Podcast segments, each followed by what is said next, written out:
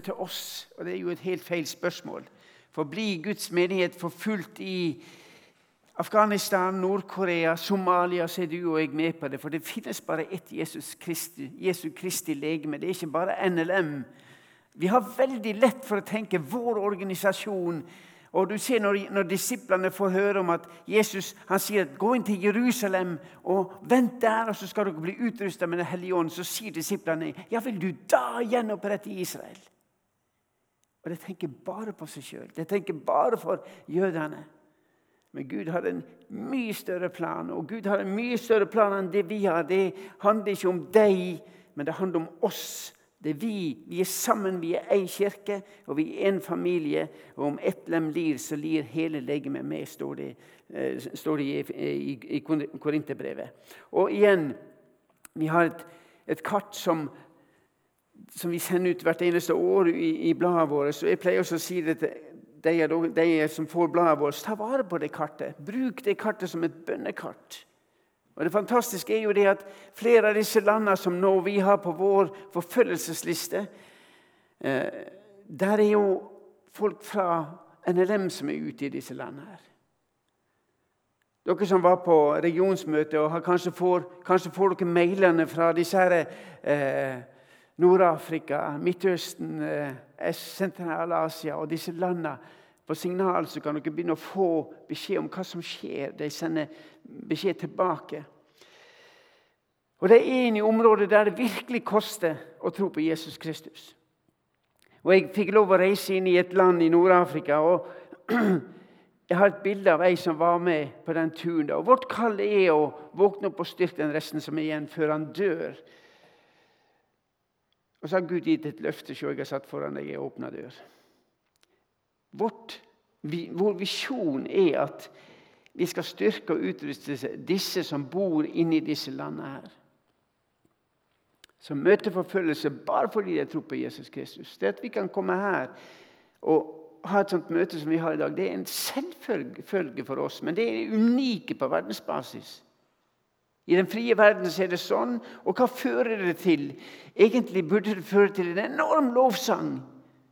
Og takk for at vi får lov å ha det sånn. Men vi, vi har hatt det så lenge at vi tar det som en selvfølge nå. Og I Norge så hører vi det at ja, det er greit at du tror, men vær så snill å holde det for deg sjøl. Det er det vi kaller en sekulær intoleranse, som prøver å ta troa vekk fra det offentlige rom og om mulig fra folks hjerte. Og dere, Vi som tro, troende, det passer så utrolig godt at jeg sier du kan godt være kristen, Ole, men du behøver ikke å dele det med noen. Det passer mitt hjerte veldig godt. Vi trenger å bli oppmuntra av disse folka her som lever i en verden der det har det så vanskelig. Denne dama som, som dere ser her, hun på høyresida her, hun kom fra Nord-Afrika. Jeg husker ikke navnet på henne. Jeg var teamleder. Hun, Hannike som sitter til side på venstre side her, hun, hun, var teamleder. Eller hun var guiden vår. Hun hadde bodd i det landet i mange år Hun snakka det språket. Og Vi reiste rundt i det landet, og vi traff kristne, og vi fikk lov å være sammen med dem. Vi hadde ikke med oss bibler dit. Det var en oppmuntringstur. Hun skulle vi da treffe på en Burger King. Vi kunne ikke reise hjem til dem. Vi satt i en Burger King og hadde middag, og inn kommer hun etter avtale. da. Hun satte seg på samme bord som oss, og vi hadde mat i lag. Vi spiste i lag. Det er sånn vi gjør det når vi er inne i disse landene. Vi, vi spiser middag, og så forteller hun historien sin.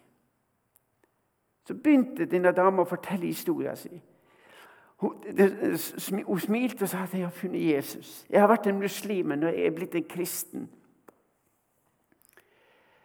Og mens hun fortalte, så plutselig så snur alt, så begynner hun å fortelle hvor vanskelig livet var blitt etter at hun var blitt en kristen. Da begynte problemet i livet mitt, sa hun. Jeg har aldri hatt det så vanskelig som da. Og Hun delte dette her med oss, og hun tømte seg fullstendig på hvor vanskelig livet var etter at hun hadde lært Jesus å kjenne. Så sa jeg til hun, Hannike og Så sier jeg jo kan, kan du stille henne et spørsmål? Kan du spørre henne hvorfor holder hun fast på Jesus når det er så vanskelig? Og Han ikke så på meg, hun sa at hun kan ikke stille henne det spørsmålet. Det, det, har ikke du hørt hva hun fortalte? Hun har det så vanskelig. Vær så snill, sa jeg. Still henne det spørsmålet. Han ikke så på, peker på meg, og så sier han, han spør Hvorfor i all verden holder du fast på troa di når det er så vanskelig? Og hun var ei godt voksen dame. Og Jeg glemmer aldri reaksjonen. Hun satt på stolen og nesten spratt opp. Så sa hun aldri, aldri kommer jeg til å si nei til Jesus. Og så begynte tårene å renne. Så sa hun det at når du sa det spørsmålet, så forstår jeg jeg kommer aldri til å slippe Jesus, for han kommer aldri til å slippe meg. Og så rant tårene. Og så sier hun jeg ikke, jeg ikke, frem til nå har jeg ikke forstått hvor djupt dette er inni meg. Men nå, jeg, nå, har jeg funnet Jesus, og det er noe som har falt på plass. Jeg vil aldri miste det. Uansett problem. Og Da fikk jeg lov å se det at det, det å være sammen med deg La dem få lov å tømme seg problemer. Å være brødre og søstre der og få lov å be sammen med deg. Jeg husker ikke navnet på henne. Jeg, jeg, vet ikke hvor hun er nå, men jeg ber for henne. Gud, må du ta deg av Takk for at du aldri slipper henne. Og det er vårt håp om at det skal kunne bli der. Det skal være lys og salt inne i det landet der. Og Sist gang jeg talte her, så snakka jeg om lys og salt. Hva, hva det er å være lys og salt. Og jeg tror Vi, må, vi skulle ha talt mange ganger over det, fordi vi har så mye å lære. Du og jeg vi er lys og salt i denne verden. Og igjen, Jeg skal ta dere med to, til to Afghanistan og Nord-Korea. Afghanistan Her har dere lederen. Et land med 39 millioner kristne Nei, innbyggere. Men det er potensielt 39 millioner kristne. For Jesus døde for hver enkelt av dem. Det er noen tusen kristne inne i det landet. Og hva tenker dere? Vi hørte veldig mye om når Taliban tok over, men etter det så har ikke hørt så mye. Og da, jeg, da vi skrev første artikkelen om Afghanistan, så tok vi et bilde av kvinner. Og jeg tenker på det som, det som Gud gjorde i, i, i første Mosebok, der han sier til Adam nå skal du finne deg altså Han skapte alle dyr, og så skulle han sette navn på alle dyr. Og så finner han ingen medhjelpere, men blant alt det Gud hadde skapt. Gud sier det. Han finner ingen medhjelpere. La oss skape en medhjelper. Så tar han et ribbein fra Adam og så skaper han kvinner.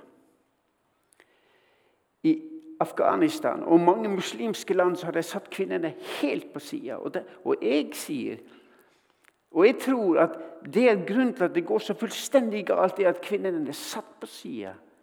De er skapt til å være en medhjelper for mannen.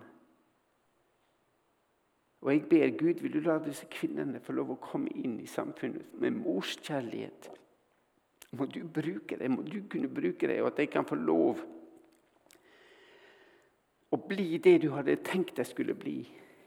En hjelp, en medhjelper, for at mennene kan bli korrigert etter det hjertet som Gud har lagt ned i kvinnene. Og vi trenger det. Nøkkelinformasjon om landet i dag. Et land som har gått i 40 år i krig. Og Norge har vært med i 20 år av de, av 20 år av de åra i krig har Norge vært der. Et land som er ødelagt med infrastruktur, økonomien og det sosiale fellesskapet er totalt ødelagt. Radikalisert og fryktelig mye kriminalitet. Og korrupsjon. Mye av pengene som gikk inn i det landet, gikk i lommene til noen. Mange av regjeringsmedlemmene var med i den forrige regjeringa. Noen sier da ja, men er det, er, er det en forandring. Er ikke det det samme? Nei, det er ikke det samme som det er for, for, for 20 år siden. Det er forandring, men vi må be for det landet. Et land som har over 50% av landet som sulter. Og Vi hører veldig lite om det. Og jeg, jeg, til, jeg, ber til Gud Gud, vil du være så snill og la disse landene, vestlige landene hjelpe det landet. Det er barn som sulter. Mange av bøndene går til vekk fra det å dyrke ting, og så går det tilbake til opium. Kabul var en by der Taliban tok over sist gang, så var det en by med 500 000. I dag er det en by med 5 millioner. Det er en helt annen historie når Taliban tar over nå. De har et kjempeproblem.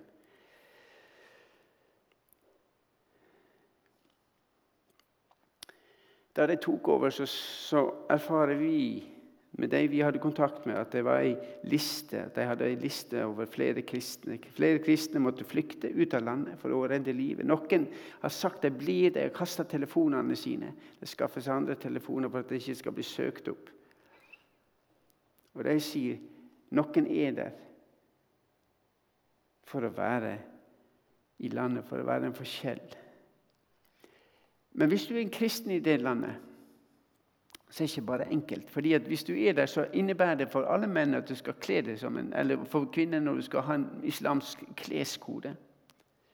Du må møte opp i moskeen fem ganger daglig og be. Du må la skjegget vokse. Og Er du en god muslim, så banker du kona di jevnlig. Og disse kristne de sier vi kan, vi kan kle oss som muslimer. Vi kan gå i mos moskeen og be fem ganger daglig. Vi vil be til Jesus Kristus. Vi kan la skjegget vårt vokse, men vi klarer ikke å banke konene våre. Og Det vil være med å avsløre deg. Kvinner får ikke lov å ta høyere utdannelse. Det hadde, mange kvinner var ferdig utdanna lærere for å gå inn for å undervise i dette. her. Da Taliban tok over, så lovte de at skolen skulle åpne 21. mars. Og det gjorde hun. De åpna skolen 21. mars. Og de stengte han den 23. mars. De holdt løftet sitt. I dag er det bare småjenter opp til 4. klasse som får lov å gå på skole. Høyere utdanning er ikke det med. Det regner ikke med kvinnene. Og igjen så sier jeg vil dere være med og be for disse kvinnene. Hvordan hva kan vi gjøre for deg? Jo, vi kan be. Hadde vi forstått hva bønn kan gjøre, så har vi bedt mye, mye mer enn det vi gjør. Vi ble oppfordra til å be for misjonærene våre. Og Jeg pleier også å si det i Åpne dører. så sier jeg at åpne dører. Noen sier til oss at det er fantastisk å høre om alle de dørene som åpnes for dere. Hvordan kommer dere inn i Nord-Korea? Hvordan får dere gjort det? Og jeg sier det skjer fordi folk som dere går på kne. Det er dere som åpner, de som ber for å åpne dører sitt arbeid. Det er de som åpner opp disse dørene. Hadde vi forstått hva bønn var, så hadde vi bedt mye mer. Vi hadde en åtte år bønneaksjon for Sovjetunionen, eller syv år bønneaksjon. Og vi har bedt i syv år, så falt jernteppet. Og Noen sier tilfeldig. Ja, men det er utrolig at han i 1984 sa til våre ledere vil dere be i syv år. Og når vi hadde bedt i syv år, så falt jernteppet. Og, og Russland åpna seg opp. Det siste vi gjorde inntil eh, Sovjetunionen på den tida, var å kjøre en million Bibel, Nytestamentet inn til det landet. Åpent i track som Gorbatsjov hadde sagt det er greit dere skal få komme inn med det. Ti år etter og I 1991 så var vi i ti år for den muslimske verden, sammen med kristne over hele verden. Og i, løpet av ti år, hva skjedde da? Og det var En som sa kan dere sjekke opp noe. Har det skjedd noe i løpet av de ti årene når kristne har gått på kne og de ber? I ti år så, fant jeg ut at i løpet av de ti årene bønneaksjonen varte, så var det flere muslimer som kom til tro på Jesus Kristus enn de siste 1400 åra.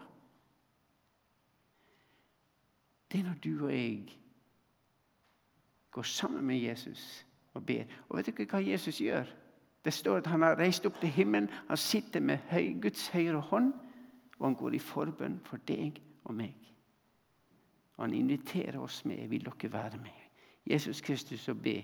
Og Det står det at Jesus har satt seg ved Guds høyre side, men det står det at når Stefanus blir drept i, Når dere leser i i åttende kapittel i, apostlenes gjerninger. Der står det at han ser, jeg ser Jesus stå ved Guds høyre side. Og jeg lurer på hvor mye Jesus har sittet det siste år, siden han kom dit. Når Stefanus døde, så står det at han står. Og han reiser seg alltid opp for sitt folk. Jeg skal komme tilbake til Nord-Korea, men jeg, jeg, har lyst til å gå inn på dette her. Lørdag 11. juni 2022. Hva tenker vi når vi ser det? Tenker du på Salme 118, 24? Dette er dagen som Herren har gjort. Kom, la oss fryde oss og glede oss på den. For meg betyr det verset ganske mye, fordi da jeg var med i den gruppa som starta Jeg var så heldig jeg var, jeg var ung, men jeg var så heldig for jeg fikk lov å være med i den gruppa som starta Åpne dører. Og Da var det han som var generalsekretær, der, Frank Kongstein. Når vi hadde starta det, og vi satt der på styremøtet, så sier han jeg har et vers jeg vil dele med dere, gutter. Og Så kommer han med at dette er dagen som Gud har gjort. La oss juble og glede oss på den. Og så hadde jeg fått lov å jobbe i Åpne dører i mange år. og Blant annet av de åtte åra jeg jobba som bilmekaniker og, og laga disse smuglerbilene. Og de fra 80 til 90 var et sånt tiår der vi gjorde veldig mye med, med, med, smugling. Og Jeg husker jeg var, besøkte kontoret igjen i Nederland. Jeg traff en av kollegaene mine på 90-tallet. Så ser han på meg og så sier han, 'Ole, 80-åra, det var the glorious days'. Det var, det var, de fantastiske dagene da jeg åpne dører. Så så jeg på ham så sa jeg, ja, det var fantastisk, sa jeg. Men the glorious days, det er i dag. Og Jeg har aldri glemt det at Gud minner meg om the glorious day. Den er i dag. Og I misjonssammenheng så kan vi se tilbake på da det begynte i Kina. Da vi har vært i Etiopia med NLM, og vi har drevet på i Øst-Afrika. Og nå driver det og forandrer det. Og så blir vi hengende fast. Det var de flotte dagene. Men Jesus han sier dette er dagen. Dagen i dag. Hva har du gjort med dagen i dag? Fantastisk at du har kommet hit på møte. Men hva har du gjort sammen med Jesus i dag? Har du spurt Jesus Jesus, hva er det jeg skal gjøre i dag? Eller lever vi som om det blir en vane? Og Jeg må bare ærlig talt innrømme at det er veldig lett for å ta dag, dagen i dag som en vane. Og Jeg må minne meg sjøl om Ole, dette er dagen som Herren har gjort. Hva har Han for meg i dag? Og Jesus han har snakket om dagen i dag. I Matteus 6 så sier han søk først Guds rike hans rettferdighet, så skal dere få alt det andre i tillegg. Det passer jo ikke inn i dagen i vår i hele tatt. Det passer ikke inn fordi at jeg vet at jeg trenger lønna mi den tiende hver måned. Jeg trenger lønna mi for å betale gjelda mi. Og så sier Jesus, 'Søk først Guds rike hans rettferdighet, så skal du få alt det andre i tillegg'. I dag så blir vi definert som dum hvis vi gjør det. Men Jesus han har et helt annet rike. Penger er ikke noe problem for Jesus Kristus. Og Jeg vet at noe utfordring når jeg sier dette, men penger er ikke et problem for Jesus Kristus. Da Peter ble spurt om disse disse, uh, de som jobber i tempelet, betaler ikke deres herre tempelskatt? Da Peter kommer til Jesus like etterpå, så sier Jesus Peter går ned til sjøen og kaster ut et snøre. Den første fisken du fanger opp, åpner opp munnen, og så tar du ut én stater, altså en penge som var nok verdi til å betale skatt, tempelskatt for Peter Johanne, og, og, og Jesus. Og så, og så tar du den av staten, og så går du og betaler tempelskatten for deg og meg. Jesus han har humor. Han sier penger er ikke mitt problem. Dere er ikke med i NLM bare for at dere skal gi tiende til NLM. Det, Jesus trenger ikke det. I første omgang han trenger ditt hjerte. Jesus han trenger ditt og mitt hjerte. Så ikke bekymre deg for morgendagen. For hver dag har nok med sin egen plage, sier Jesus. Klarer vi å leve dagen i dag. Å stå opp og si Jeg har en god venn av meg som pleier å si til Jesus hver morgen Jesus, la meg få lov å være til velsignelse for alle de jeg treffer i dag. En fantastisk bønn. Jesus, la meg få lov å være til velsignelse for de mennesker jeg treffer i dag. Det være seg med ord, det være seg med måten du lever livet ditt, det være seg med den karakteren du er. Den du er. Jesus har skapt deg slik for at du skal være slik, og bare du kan fylle din plass. Jesus, hjelp meg i dag til å være den du har skapt meg til, slik at jeg kan bli til velsignelse for deg. Og vi håper jo at det skal gå bra, at det alltid skal være disse dagene. Jeg skal ta dere med til Elia på Karmel. Da Elia var på Karmel, da hadde det ikke regna på tre år. Og, han, og, hvorfor ikke? Jo, fordi han hadde jo bedt Gud la det ikke regne. For israelsfolket var et folk som hadde glemt Gud. De, de, de, de ba til Baal og Astarte. Og når det kommer til den dagen at Elia utfordrer ja, kong Ahab Han sier til kong Ahab ta med deg alle Baal-prestene og Astarte-prestene og kom til Karmel. 450 Baal-prester og 400 Astarte-prester kom. Og så utfordrer han disse prestene. Og hvorfor gjorde han det sånn som Han sier at legg offer på Bygg et alter, legg offeret på, og så ber dere om ild. De som, de som, har forska på dette, de, de, har funnet et Baal-tempel. Og En som sa det at de fant et Baal-tempel. Og Det var noe de ikke forsto. fordi at under det tempelet var det en tunnel, en liten gang, til under det som var alteret. Baal-prestene de hadde en gang slik at når de la på offeret, så var det en nede i tunnelen som ingen så, som tente på. Slik at ild var veldig kjent at Baal Det var det som, som, som viste at Baal var en gud, for ilden kom. Og når Elia kom på fjellet, på Karmenfjellet, så sa han bygg dere et alter. Nå skal vi se om det er Gud. Vi skal se hva slags Gud dere har i forhold til min Gud. Og så vet vi hva som skjer. De, de dansa hele ettermiddagen, og Elia holdt narr av dem. Og så sa Elias, 'Kom hit.' Og Så kommer Israelsfolket bort, og så vet vi hva som skjer. Det faller ild, og det brenner opp alt. Steinene og absolutt alt. Og Like etterpå så ser du det bildet under her, så står det at Elia han blir fylt av Den hellige ånd. Han springer foran vogna til Ahab tilbake til Jerusalem, for han sa nå må du kjøre hjem igjen før regnet kommer. Og det kommer et styrte. En fantastisk dag. Og jeg tror at Elia sa at dette er dagen. Nå lever vi virkelig seier. Men hvor lenge går det? Han får høre det at Jesabel hun sier at han har tatt livet av alle mine profeter. Han skal dø. Elia, som hadde sett hva Gud gjorde At han er en mektig Gud. Og han blir livredd. Og Det er fra ene toppen og rett ned i dalen. Og Elia flykter. Og, han, og Gud møter han og så sier Gud, 'Hvorfor er du her, Elia?'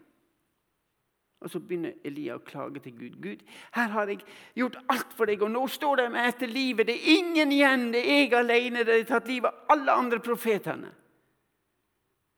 Og så sier Gud til Elia, 'Nei, det stemmer ikke.' Det er 7000 igjen, og det er en du skal utnevne som din assistent Elisha.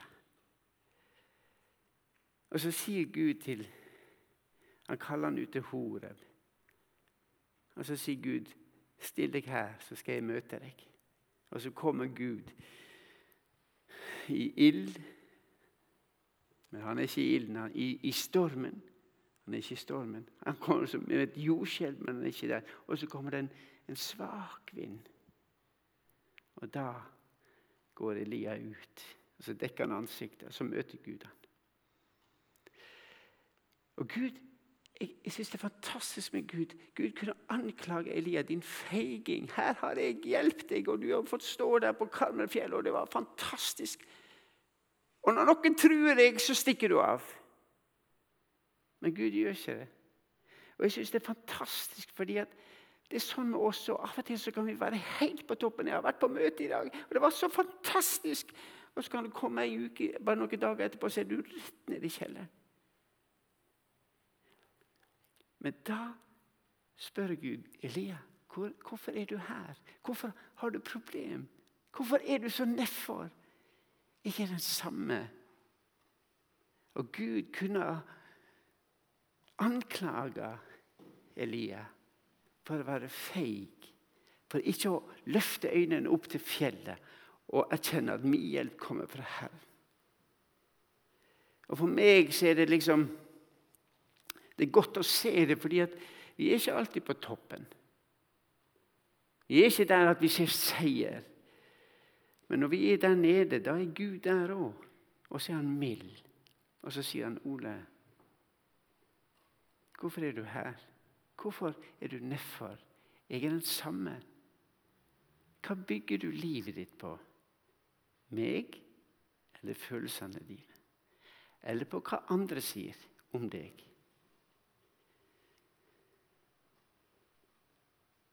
Og det kosta å følge Jesus. Elia ble trua på livet når han utførte det Gud sa han skulle gjøre. Jeg har lyst til å ta dere med til Nord-Korea. Det er et illustrasjonsbilde av ei vi kaller Bae. Hun har skrevet et brev til oss. Vi fikk et brev av de der inne. fordi det var en som sendte et brev til meg i, i desember. At, eller han ringte meg. Så sa han det at dere snakker om at dere gir mat og nødhjelp og hjelp til 60 000 kristne inne i Nord-Korea. Så sa han det, det, er jo, det er jo tonnevis med mat. Hvordan, Er det sant, eller lyver dere? Det er jo umulig å få inn Denne mannen her, han hadde jobba i Nord-Korea. Han hadde reist til Russland og prøvd å komme inn der. Der er det bom stopp. Han hadde reist til Kina og prøvd å komme inn til Norge. Bom stopp fordi de hadde stengt alt pga. koronaen. Og han sa, 'Er det sant? Hvordan klarer dere?' Jeg ringte til noen medarbeidere, og de sa det at det er sant. og så sa de du skal få et brev. For, for de tar imot det. Og så er det bare som har skrevet brev til Simon, som leder arbeidet vårt. En mann som, er, som, som er opp, de, er opp, de, er sendt Tre ganger har nordkoreanske agenter blitt sendt for å ta livet av ham. Og Hver gang har Den hellige ånd avslørt dem. Og hun skriver et brev til Simon, så sier hun det at vi har det bra og har fred ved Jesu nåde og dine bønner. Vi takker vår himmelske Far som gjør mektige gjerninger. Når jeg nå skriver til deg, så kjenner jeg at mitt hjerte strømmer over. Jeg har mottatt gaver fra deg som vi aldri kan gjengjelde. Når jeg åpner øynene mine om morgenen, så føler jeg at Gud, vår Fars nærhet. Akkurat nå er det ensidig vi som mottar gaver fra deg, men vi forventer at vi en dag vil komme dit at vi kan gjengjelde i Gud. Fra, mange, fra andre menneskers perspektiv må våre lidelser se ut som et forbannet liv, men vi ser det som en velsignelse fordi det er en snarvei til Faderen. Han vet om våre lidelser og lytter til våre bønner. Vi som har mottatt Hans forunderlige nåde, opplever og forstår Hans ord. Mennesket lever ikke bare av brød alene, men av hvert ord som kommer ut av Guds munn. Det betyr at alt liv som følger Hans ord, er velsignet. Jeg takker mest for at Gud Fader bruker meg til å arbeide som Hans tjener. Jeg ønsker å vie livet mitt helt til jeg dør, til Guds ære. Bror, jeg har et ønske. Vær snill og send vår takknemlighet og kjærlighet til dem som har sendt disse midlene til oss. Jeg bøyer meg for dem med takknemlig hjerte. La oss få være friske, slik at vi kan kjempe for at evangeliet skal nå ut i Nord-Korea. Ta vare på deg selv. Hilsen din søster i Gud. Og de, de sier hvis det skal koste oss livet å forkynne evangeliet her i Nord-Korea, så får det koste oss livet. Og Grunnen til at jeg viser dette, her, er det at vi lever i en verden der det er helt uforståelig. Går det an? Går det an å ha en tro og holde fast på troa så hardt at det skal koste deg livet. Det gjør det. Og En av de beskjedene jeg har fått nå for en måneds tid siden, var at to dusin kristne var samla i et hus, i et husforsamling. De har ikke store menigheter der. Et dusin var samla inn. Det var avslørt av en uh, hemmelig agent, og inn kom politiet, og de massakrerte det der og da. Og hundre stykker av familiene deres satt i fengsel.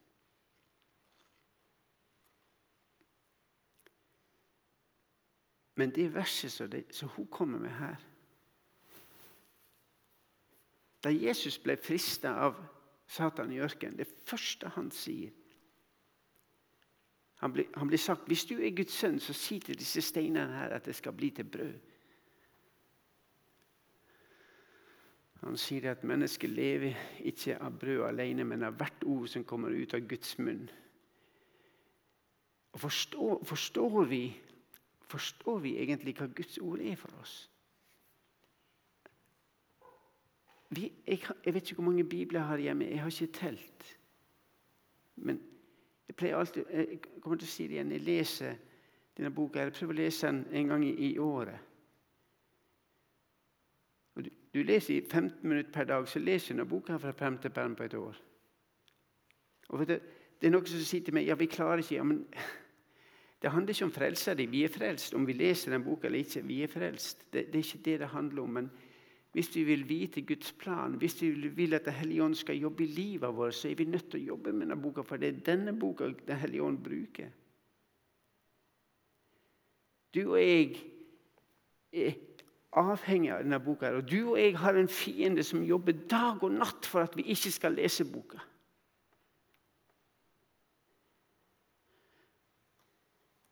Kosuke Koyama er en japansk teolog og Han snakker om Bibelens 3,6 km i timen Gud, som leda israelittene ut på en 40 års vandring for at de skulle lære en setning på 20 ord, at de lever ikke av brød alene, men av hvert ord som går ut av Herrens munn.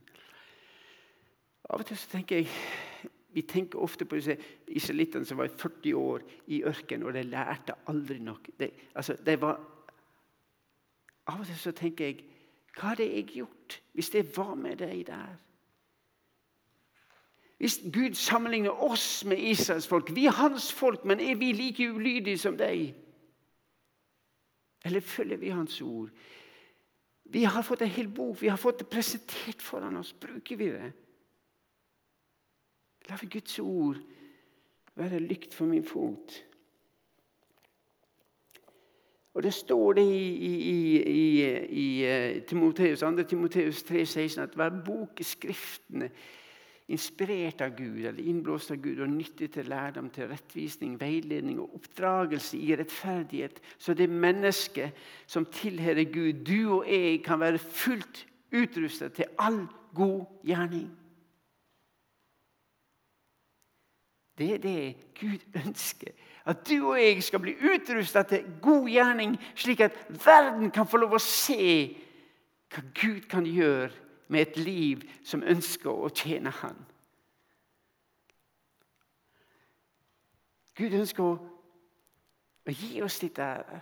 Og, budskapet fra den forfulgte kirke Hanna som talte på, et, på UL for noen år siden Hun sa det at dere i Vesten dere må være en sterk kirke. Dere må stå på Guds ord. For vi trenger ei kirke som en sterk kirke som ber for oss. Men dere er bare sterke hvis dere står på Guds ord. Det er det de sier. Og De sier også det at dersom dere kompromitterer Bibelen, så sårer dere oss. Vi er villige til å gi livet vårt for det.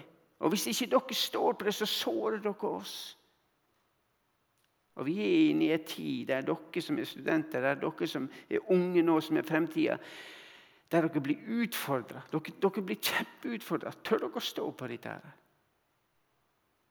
det som ligger foran oss, har Gud virkelig sagt. Og Jeg tror det er så viktig at vi kjenner Guds ord. At Du behøver ikke å kunne den utenat, men at det blir en rettesnor for vårt liv, slik at vårt liv blir et eksempel for denne verden her. Ditt ord er lykt for min fot og en lys på min sti. Og egentlig Se på disse bildene her. Jeg har en, en bil med xenonlys. Jeg ønsker å holde farta, og jeg skal ha godt, godt lys. Jeg skal ønske å se langt, så langt som mulig frem. Vi, vi ønsker å planlegge livet vårt. Hva slags plan har du for de neste 20 åra? Så ubevisst så tenker vi planlegger frem. Og Vi ønsker å ha et lys som går langt frem. Men Jesus han snakker med en liten oljelampe, som dere ser her på høyresida. Den lampa var slik at når du, når du, holdt den når du var inne i et hus, så så du ikke mer enn nok til å ta ett steg. Og du så nett, eh, lys til neste steg. Du tar steg for steg sammen med Jesus. Og jeg tror for min del så er det det det handler om å få lov å gå steg for steg sammen med Jesus. Jeg vet ikke hva som skjer i morgen, men i dag vil jeg holde meg nær til Jesus Kristus. I dag vil jeg lære litt mer av han. Jeg vil lese det ordet. Og Jesus, det siste han sier før han blir tatt opp, det er disse versene her. Og se, jeg er med dere alle dager inntil verdens ende. Har du sluppet Jesus så nært inn på deg i dag at du har erfart at han er jo her? Han er her. Du behøver ikke erfare det engang. Du må bare vite det ut ifra Guds ord. Jesus har gått sammen med deg hele dag.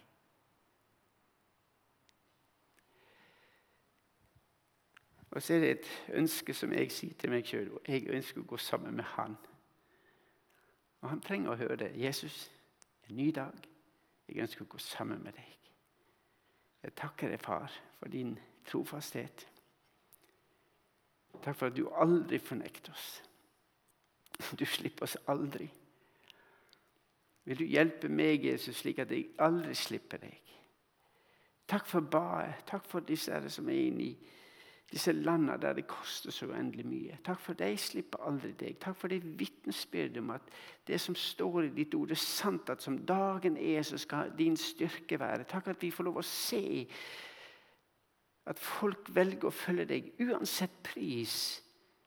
Og det klarer de ikke i egen kraft, men fordi du er sammen med dem. Og du utruster dem. Og for min del, Jesus, jeg, jeg kunne aldri tenke meg at tør jeg å stå når det blir utfordra sånn. Men takk, Jesus, at jeg kan få lov å gå dag for dag sammen med deg. Og så vet jeg at du har sagt i ditt ord at hvis vi holder ditt ord og holder oss fast til deg, så skal vi få kraft og styrke ettersom dagen er. Takk for at vi kan få lov å vandre i den tryggheten. Og Jeg ber for deg som sitter her, Jesus. Må du velsigne deg på en sånn måte at livet deres blir til velsignelse for alle de treffer. Og Vil du komme med din Hellige Ånd og fylle oss alle sammen slik at vi får lyst til å lese ditt ord, Herre Far. Du ser det bor noe i vårt hjerte at vi ønsker å si vi ønsker å bestemme sjøl i livet vårt.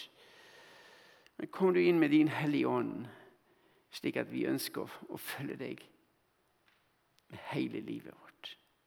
Må du velsigne deg i Jesu gode navn. Amen.